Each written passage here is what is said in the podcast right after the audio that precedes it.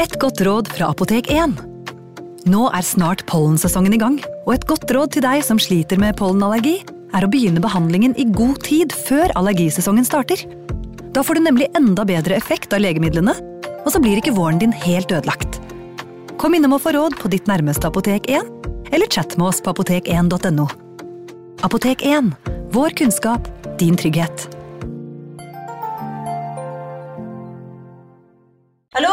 Jeg kommer fra Oslo politikammer. Ine Jansen er purk. Er du purk? The motherfucking bitch. Alt jeg vil, er å finne ut hva som skjedde med mannen min. Jon Carew. Er jeg sikta for noe? Iben Akeli. Det er du.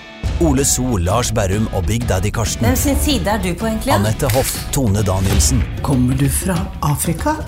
Jørnis Josef, Nesten kløfta. Trond Espen Seim, Det er synd å si det, men det var feil mann som døde.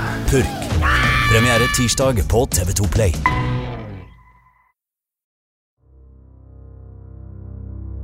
September 1833 står det et skafott reist ved en branntomt på en gård som heter Kanten ved Randsfjorden i Innlandet i Norge.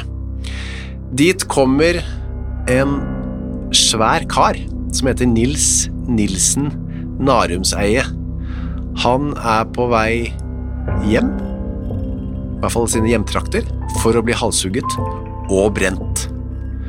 Det skal ikke gå så bra, det. Hvordan skal vi komme tilbake til, men aller først hvorfor?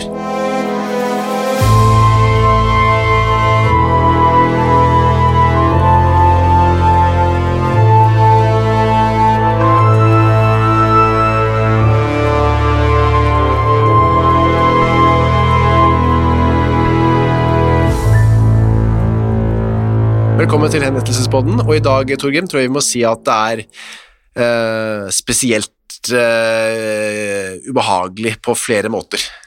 Ja, det, det, det er, dette er ikke noen eh, solskinnshistorie, nei. Nei, hverken eh, begynnelsen eller slutten. Det vil si, det begynner jo med en brann. Klokka fire om natten 24. januar så brenner det.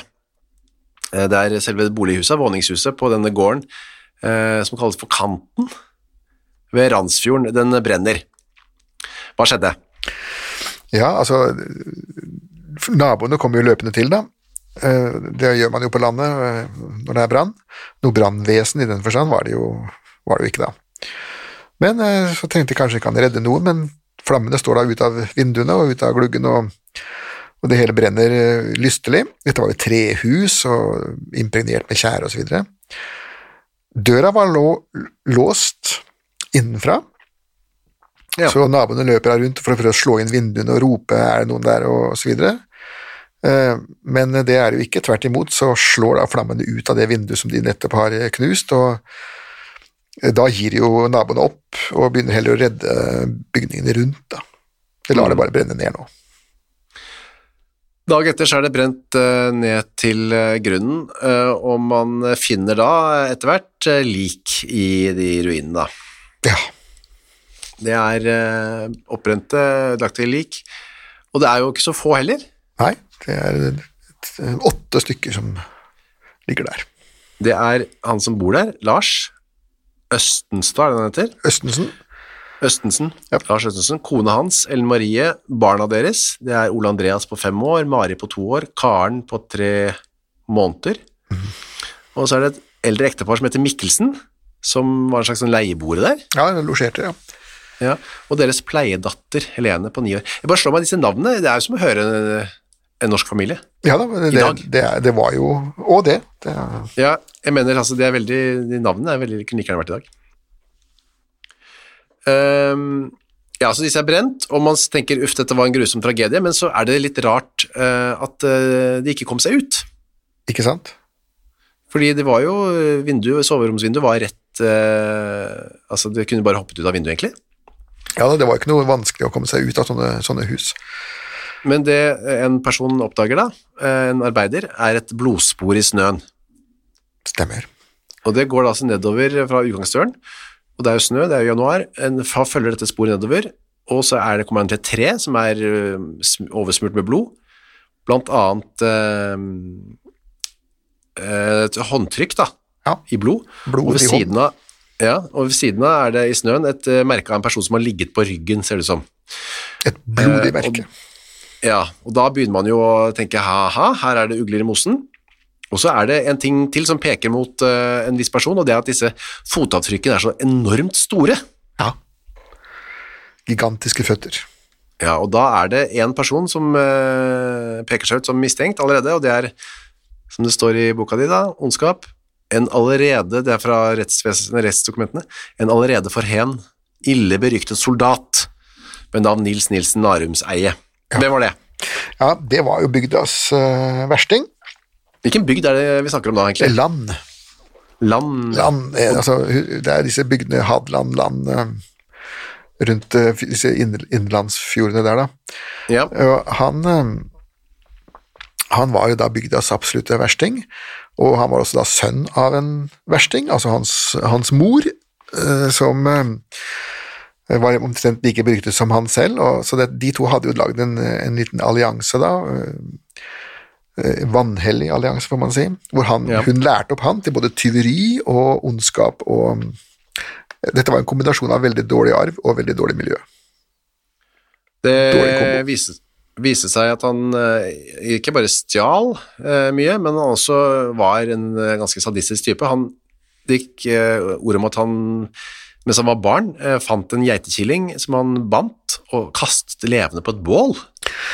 I, eh, I min ungdom så het det seg det at eh, man kan identifisere psykopaten som barn ved den kombinasjonen av dyremishandling, brannstiftelse og eh, eh, sengeveting.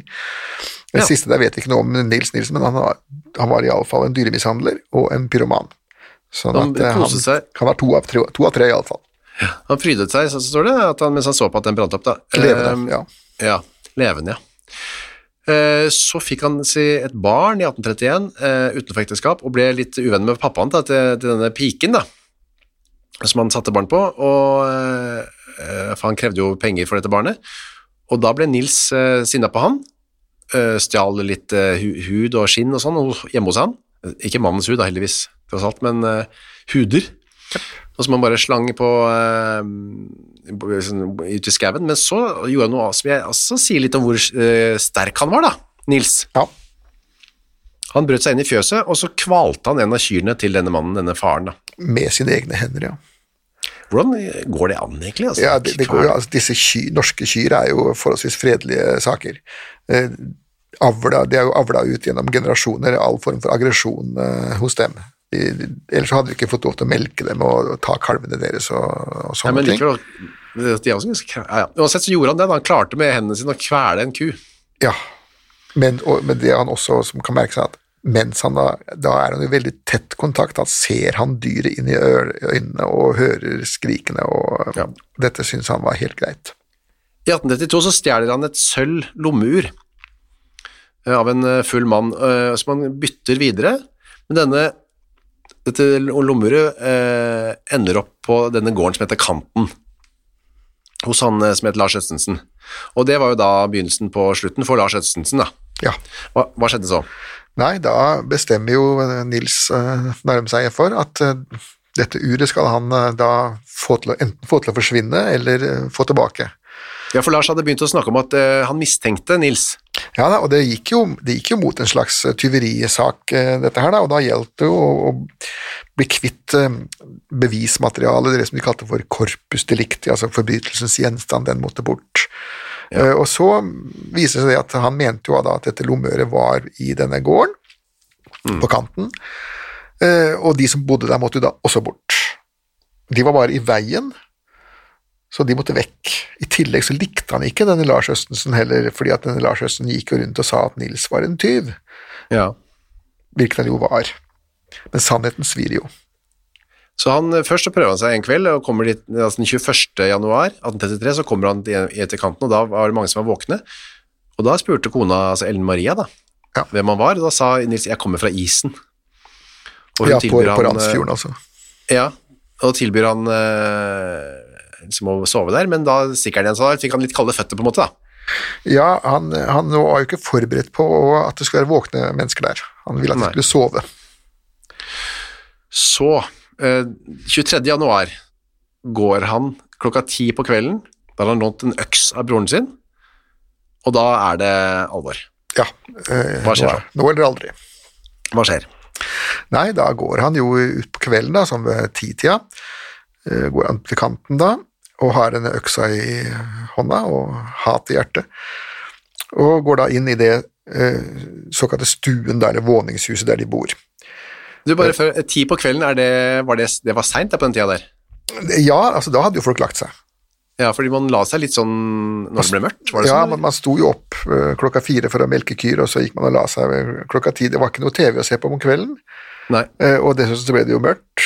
Og hvis du skulle tenne lys, altså skulle ha Ja. kunstig lys, så måtte det jo eh, Det kosta jo penger. Ja, så det var flere grunner til å legge seg eh, tidlig. Ja, dessuten så var jo folk mye mer slitne, det var jo fysisk arbeid de drev med hele tida, pluss at det, de drakk jo også mye. Så de, de sovna tidlig. Ja, så når Nils kommer inn i, på kanten der, eh, gjennom en ulåst dør, så ligger alle og sover. Ja. Ja. Og det var, det var det han hadde forventa, da. Så, som er fremdeles mange steder på landet, så var døra ulåst. Mm. Og da Eh, altså, begynner han Han, begynner da i, med sjefen. Og det er slik at, at eh, Lars og Ellen Marie, de to eh, som eide gården, da, det ekteparet, de, de ligger da i én seng eh, sammen med to uh, småjenter. Og så er det en seng til hvor han eh, lille Ole Andreas sover sammen med denne pleiedatteren Helene, hun er ti år gammel. Og så er det da en tredje seng, en såkalt sengebenk, hvor gamle Mikkelsen sover eh, med, med kona si. Eh, og, det at ungene lå sammen i samme seng, det var også helt vanlig. Men så det er tre senger i samme rom? Ja, i samme rom, og poenget er å spare på varmen. Altså, ungene Ja. hadde ikke egne rom, det var ingen som hadde egne rom. Det var bare de aller største husene hvor du kunne ha egne rom for tjenerskapet. Mens på, på Men- landet her så sov alle sammen i samme rom, og veldig ofte også i samme seng. Inkludert altså leieboerne? Det gamle ekteparet Mikkelsen Ja, lå også inkludert, eh, inkludert leieboerne, og du kunne ta inn på sånne herberger, da måtte du også regne med at du måtte ligge i seng sammen med en annen person. Oh, ja. Eh, fordi at det var så dårlig plass. Og i tillegg så var det også slik at det var jo kaldt. Så om sommeren, når varmen kom, så lå gjerne Ja. folk og sov i på låver og i fjøs og, og, og overalt strødd rundt, men om vinteren så måtte man være der hvor det sist var varme i huset. ja, for der sto det en sånn kakkelovn og dura, kanskje? da? Ja, en peis, ja, eller for, for skorsten som de kalte det for da. Uh, Ja, kakkelovner var jo dyre saker, det er det jo fremdeles, ja. så det var i byen. Man hadde kakkelovner, men, men på landet var det mer sånn ildsteder, da, som de kalte for skorsteinen. Der hvor Askeladden pleide å sitte og Ja, det rake det aska. Så der kommer i hvert fall Nils inn. Det er midt på natta for dem. da, Der ligger altså hele denne åtte personer eh, store gjengen og sover, og så begynner han å dundre til eh, sjefs, sjefsfienden sin, da, Lars. Ja, han får da slag med øksehammeren, og det var slik at uh, hvis det er én ting Norge har hatt nok av, så er det jo øksemordere, og de bruker nesten alltid øksehammeren, de bruker nesten aldri den skarpe enden av øksa. Eh, Nei. hvilket jo er fornuftig nok tenkt, fordi at eh, hvis du har hogd ved noen gang, så vet du at hvis, du kan altså risikere å sette øksa fast. Ja. Men hvis du bruker den skarpe enden og det å vriste den løs, da vil jo de andre få rømt. Så han bruker hammeren og knaller til han eh, Lars i, i huet da, og går så umiddelbart videre til kona og tar livet av henne, eh, og så videre til neste seng, Berthe, og så gamle Peder, og det holder han på med da. Og så uh, viser det seg at uh, når han er ferdig med Mikkelsen-paret, så har han snur seg, da har Lars klart å Han døde ikke, så Nei. han har klart å rømme. Han klarte å komme seg ut, ja. Og han klarte til og med å lukke døra etter seg. Han håpet da at uh, Nils ikke skulle merke at han hadde rømt, mm. men det gjorde han da. Ja. Og Nils eh, løper ut etter han. Ja da. Han, eh, han så jo at det- det var en i minus inne i stua der, Ja. og tok den jo igjen, for hvor fort kan du egentlig løpe når du eh, Mm. har et eh, slag i huet med en øks? Um, Og han ja, ber også da ute på gårdsplassen der Nils om å spare han. Ja. Han ber om å spare livet, men det, det, var, eh, det var jo ikke aktuelt. Så han eh, prøver å liksom skjule liksom blodspor og sånn, og legger noen kvister oppå Ja, men altså ikke så veldig effektivt, da, som vi jo skjønte. Så det var, det var jo mørkt, da, og han hadde jo travelt, for det var jo fremdeles folk, levende, igjen, levende mennesker igjen inne i huset. Ja, når han kommer inn igjen, så er det, viser at heller ikke Peder har blitt drept av dette slaget, så han øh, finner han oppå loftet. Ja, eller vi vi ville kanskje sagt hemsen, tror jeg. Ja. Iallfall en slags loftslignende struktur. Det går en stige opp der eh, til det, en slags annen etasje der hvor han har gått og gjemt seg, og det var jo ikke noe særlig talentfullt gjort. altså. Det er jo et bitte lite hus, dette her, og det er ikke så mange steder å gjemme seg på. Nei, så der blir han funnet, og nå bruker han eggen og treffer først pipa, da. Det er mørkt og trangt der oppe. Men klarer å ta knekken på Mikkelsen til slutt, da. Ja da. Men så er det jo barna, da. Ja, så Ukas annonsør er Cura of Sweden. Visste du at verdens søvndag feires den 15. mars? Nei. Det er en dag som er til for å skape oppmerksomhet rundt dette med søvn. Og så er det en god anledning til å tenke over dette med egne søvnvaner. Jeg er jo veldig glad i å sove, jeg er også glad i å tenke på å sove, og så veldig glad i å glede meg til å legge meg. Jeg så på Squid Game med familien her eh, rundt juletider. Der legger jo deltakerne seg eh, hver kveld da, i sengene sine, og da, det kunne jeg nesten synes var høydepunktet av Squid Game, var når deltakerne la seg. Jeg synes det så så deilig ut å legge seg. Nå hadde ikke de kura of Sweden vektdyner, da, riktignok, eh, som hadde gjort det enda bedre. Det er en ny studie nå fra Uppsala universitet som viser at vektdyne, bruken av det, øker melatoninnivået hos friske unge voksne eh, når de legger seg. Da. Og melatonin det utskilles for å fortelle kroppen at det er på tide å sove, og så kan det bidra til å øke trøttheten. Da. Med andre ord, har du en vektdyne fra Cura of Sweden, så får du mer melatonin og enda bedre søvn. da. I tillegg til vektdyner og tepper, så har Cura også andre produkter som skal gjøre søvnkvaliteten vår bedre, blant annet AirTemp-madrassen de har, som hjelper til med å regulere kroppstemperaturen. Altså, det er så mye å boltre seg for oss som er glad i å sove. Og fram til 15. mars så feirer Cura verdens søvndag med opptil 60% rabatt på curaofsweden.no. Og bruker du koden vår HENRETT med to t-er, får du i tillegg 25% avslag på både originale og nedsatte priser. Sov godt! Ukas annonsør er Next Story. På Next Story så finner du hundretusenvis av eh, e-bøker og lydbøker. Du finner folk som jeg har uh, intervjuet og snakket med, og liker bøkene til. Agnes Ravatn, hennes siste bok. Gjesten er der. Nina Lykke, sin siste bok. Vi er ikke her for å ha det morsomt, er der. Og så er det jo det er krim, biografier, essays, uh, romantikk, sannhistorier, barnebøker, faktabøker, spenningsbøker, science fiction Alt mulig du kan tenke deg. Og også bok av uh, Torgrim Sørnes. De henrettede igjen, Ondskap, for eksempel. Det er da uh, Torgrims gjennomgang av en del av sakene fra 1800-tallet, som endte da med halshugging, da, som de gjerne gjorde. Uh, for eksempel Kristoffer Svartbekken, denne snikmorderen fra um, Elverumsdraktene, som pryder også coveret, ser jeg. Skummel type. Eller da, som sagt, forferdelig mye annet.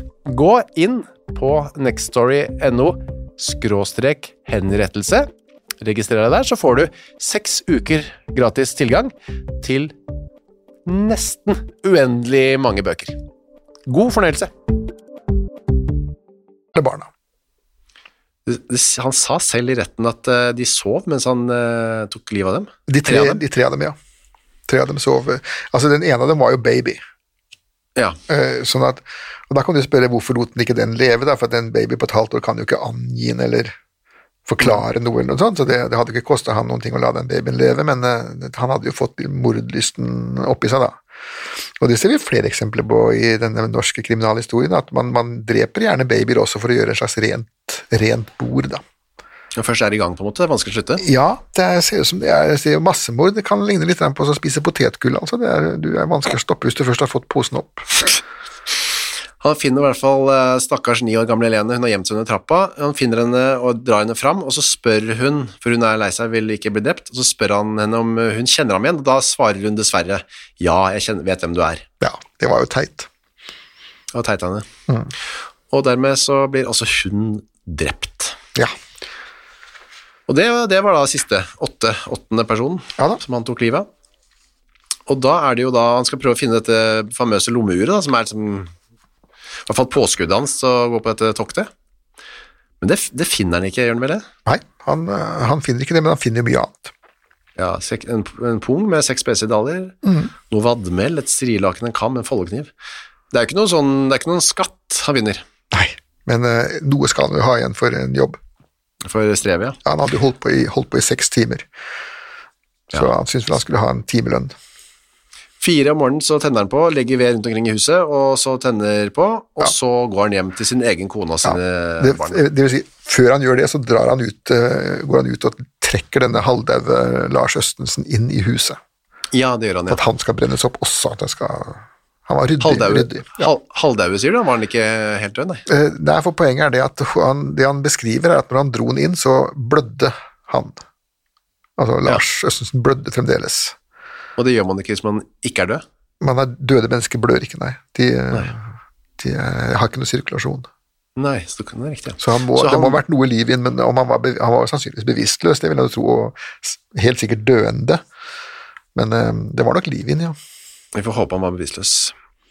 Han går hjem, men først så går han til stallen og legger fra seg tyvgodset, eh, går inn og vasker og barberer seg, Ja. spiser, eh, vekker kona si, ber om frokost, det får han, og så ber han eh, både moren og hustruen om å ikke si noe om at han er borte da. For de, da skjønner vel kanskje de hva som har skjedd.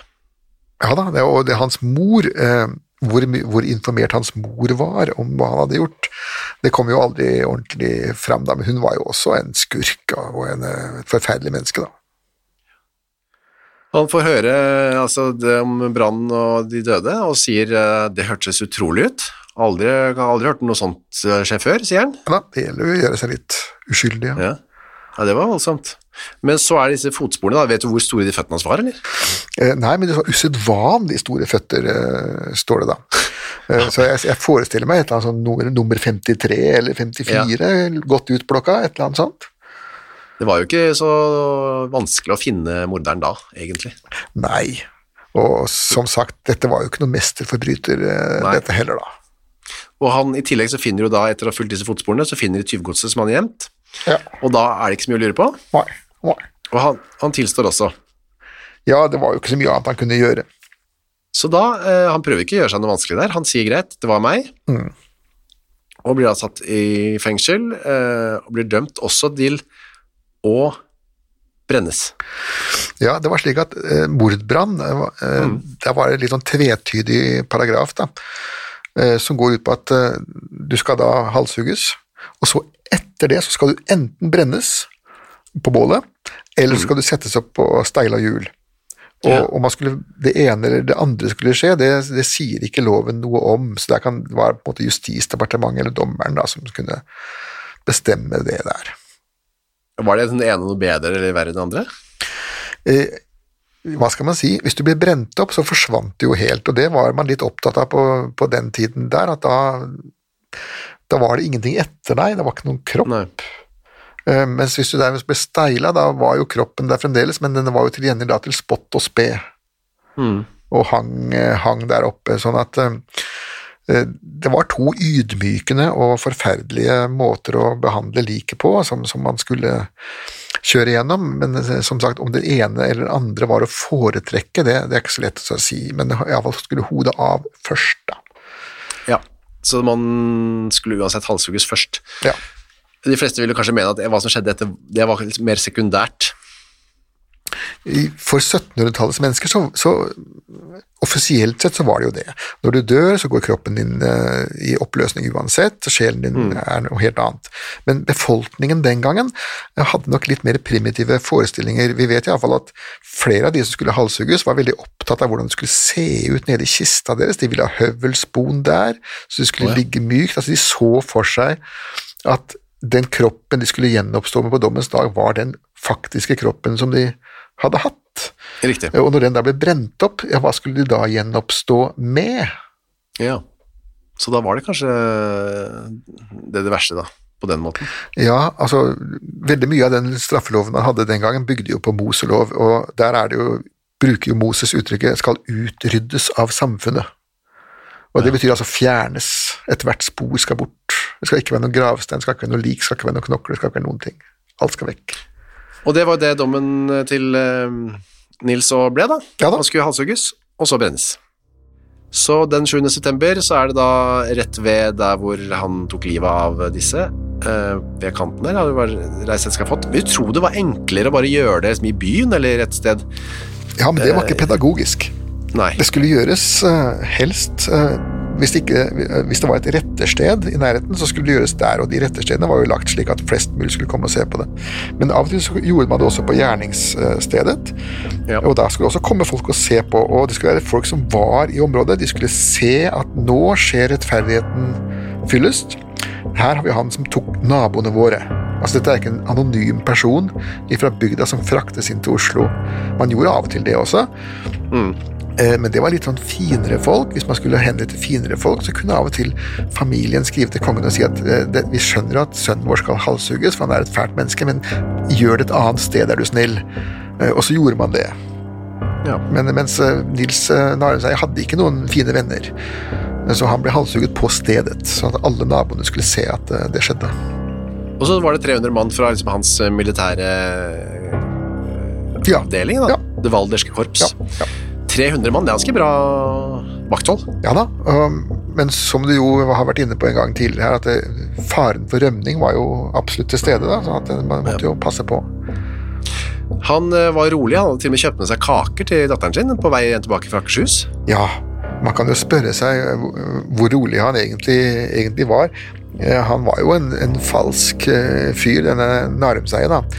Han kan jo også muligens ha håpet på en form for benådning. Ja. På, på skafottet. Det, foregikk av og til, eh, sjelden en gang, eh, hvor, hvor kongen fikk det for seg at det, det var en ekstra liten piff. At de skulle heises opp på skafottet, og så rett før øksa falt, så skulle det ropes pardon. Eh, Men det, det skjedde jo ikke her, da. Han la hodet rolig, eh, sier det, på, sies det, på bedene på blokken, og Ja. en eh, pastor Basse begynte å be Fader vår. Ja. Og så står da eh, skarpretteren der, og det er Anton Ledel, som jeg har vært inne på tidligere. Eh, han er nå blitt 76 år, og det er jo mye i våre dager. Ja, det var, og det var veldig mye den gangen. Er, han må ha vært i ganske sånn eh, fysisk skrøpelig forfatning, Ledel. Ja, altså du kan si at eh, 76 i, i 1830, det er ikke 76 i 2030. Altså det er, han hadde levd et langt liv, eh, og burde jo vært pensjonert for lenge siden. Vi ser jo noen av brevene som han har skrevet, underskriften hans er jo sånn skjelvende gammalmannsskrift som tyder på at Og han er jo også beskrevet senere som, som skjelvende, at han hadde fått en sånn alderdoms-parkinson. Og han hadde også skrevet om og bedt om å få slippe. Eh, Han hadde en, en eh, sprek eh, sønn, eh, Guttorm, som var villig til å overta, og som var i sin manndoms eh, fulle prakt. da. Men da måtte jo eh, en eller annen form for pensjon inn i bildet, og den norske Ja. staten var jo minst like kjip den gangen som nå. Så det, de valgte da å la Anton stå i så lenge som han overhodet kunne løksa, løfte øksa. Men klart, i våre dager hadde du ikke fått lov til å hogge ved engang. Nei. Og det vi Det gikk jo da heller ikke så bra. For når han stakkars gamle Anton Ledel skulle hugge, så Han treffer jo ikke reint i det hele tatt. Hva tror du har skjedd? da? Bomma han, bomma han eller hogde han for løst, eller? Så, så, så vidt det er beskrevet, så, så bomma han ikke, men han fikk jo ikke hodet av, for han hadde jo ikke noe muskelstyrke. altså Du skal jo tross alt gjennom eh, ribb, eh, gjennom en sånn eh, ryggrad, eh, som er ganske Hvis du har prøvd å sage over en sånn eh, svinerygg, så, så det krever jo litt, det. Og han var jo rett og slett svak. altså Det var jo, det var styrken som mangla. Um, hvor altså han måtte hogge, og så måtte han hogge igjen, og så igjen, og så igjen. Og til slutt så hadde han klart å komme seg ned på undersida, og da var det noen sånt som var på, på båndet av halsen, og da brukte han øksa som en sag, eh, liksom en slags kniv, da, og så sag av det hele. Men han, eh, altså, han traff nok der han skulle treffe, men, han, men, men eh, det var altså så svak tyngde i i høggene at han ikke fikk hodet av. Dette er noe som har skjedd mange ganger, det at de ikke fikk eh, hodene av ved første hugg. Og til og med så seint som i på slutten av 1800-tallet så hadde den danske bøddelen Seistrup. Eh, Riktignok han var da full, da, men han, han skulle hogge huet av en fyr, og han klarte jo å bomme på halsen og, og hogge av han armen da istedenfor, før han måtte, måtte eh, på'n igjen, og så fikk han av hodet. Men da hadde, han, da hadde jo han Bøddelknekten hans hadde da besvimt allerede på forhånd, slik at det hodet skvatta ut og inn mellom, trilla inn mellom tilskuerne som sto utenfor. Det var jo en, en skandale uten, uten like, da. Ja, det er en eller sånn historie. Vi, vi kan jo ta litt flere av de kanskje etter hvert. Eh, Det er jo noen i Norge, og selv, ikke minst med Ledel sjøl. Han hadde jo en opptreden til som heller ikke gikk så bra seinere. Men da var jo også slutten, for den, den, Ja. neste, den neste hendelsen hans, da ble det jo referert i avisen at nå måtte han få fred, og det fikk han da. Han fikk, eh, fikk da pensjon, og sønnen hans overtok, og Ledel han fikk da pusle litt. Han var jo, han var jo egentlig utdannet eh, møbelsnekker, han. Ja. Så han kunne da pusle litt rundt i verkstedet sitt og lage bokhyller og, og sånne ting. Da. Blant annet så har han vel lagd en bokhylle som i sin tid sto på Chateau Neuf. Oh, sier du det? Ja. Som ble lagd av, av Ledel. Det er noe det å se på når det er mulighet for å gjøre det. Ja, jeg tror faktisk jeg har gjort det en gang. Jeg gikk forbi, jeg holdt et, eh, et innlegg der. Da så jeg en, en stor bokhylle som sto bak der. Men eh, vet vi noe om når eh, Nils eh, liksom ta, sa takk for seg i løpet av den der seansen der oppe, eller? Ja, eh, vi vet vel når ryggraden er av, så, så får du dette såkalte eh, det som kalles for et spinalt sjokk. Da, Eh, da mister du enhver følelse av, av smerte, iallfall fra den nederste delen av kroppen, eh, og de fleste vil vel da bli bevisstløse. Eh, Men smertefølelsen, i, som da sitter i, i den delen av hjernen som kalles for talamus Jeg vil jo tro at han var nok død før hodet var av, for dette her er en prosess som sannsynligvis har gått over en 30-40 sekunder.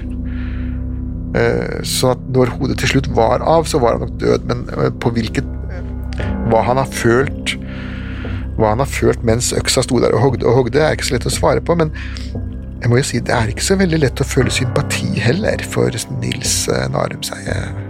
Det sitter langt inne hos meg, iallfall. Ja, det var jo eh, litt av det samme som de følte de han drev og hogde løs på, da, eh, Sannsynligvis, ja. Om ikke verre, for de, de hadde jo da samtidig den angsten over å plutselig ha blitt overfalt i mørket av en gal mann. Varem seg har jo tross alt visst i et halvt år at dette kom til å skje. Han har jo hatt lang tid å forberede seg på. Og død ble han. Det er den eh, verste massemorderen i Norge fram til en annen, eller til en trønder i, på 70-tallet. Ja. Det er ingen eh, Altså, man må jo tilbake til vikingtida, tror jeg, for å finne verre, verre ting. Nesset og Narumseie. Eh, det var den lille lystige historien vi hadde for denne uka, Torgrim. Jeg håper folk eh, ikke har besvimt foran eh, podkastapparatene sine. Skal vi si takk for i dag denne gangen, så høres vi igjen om en uke. Glimrende.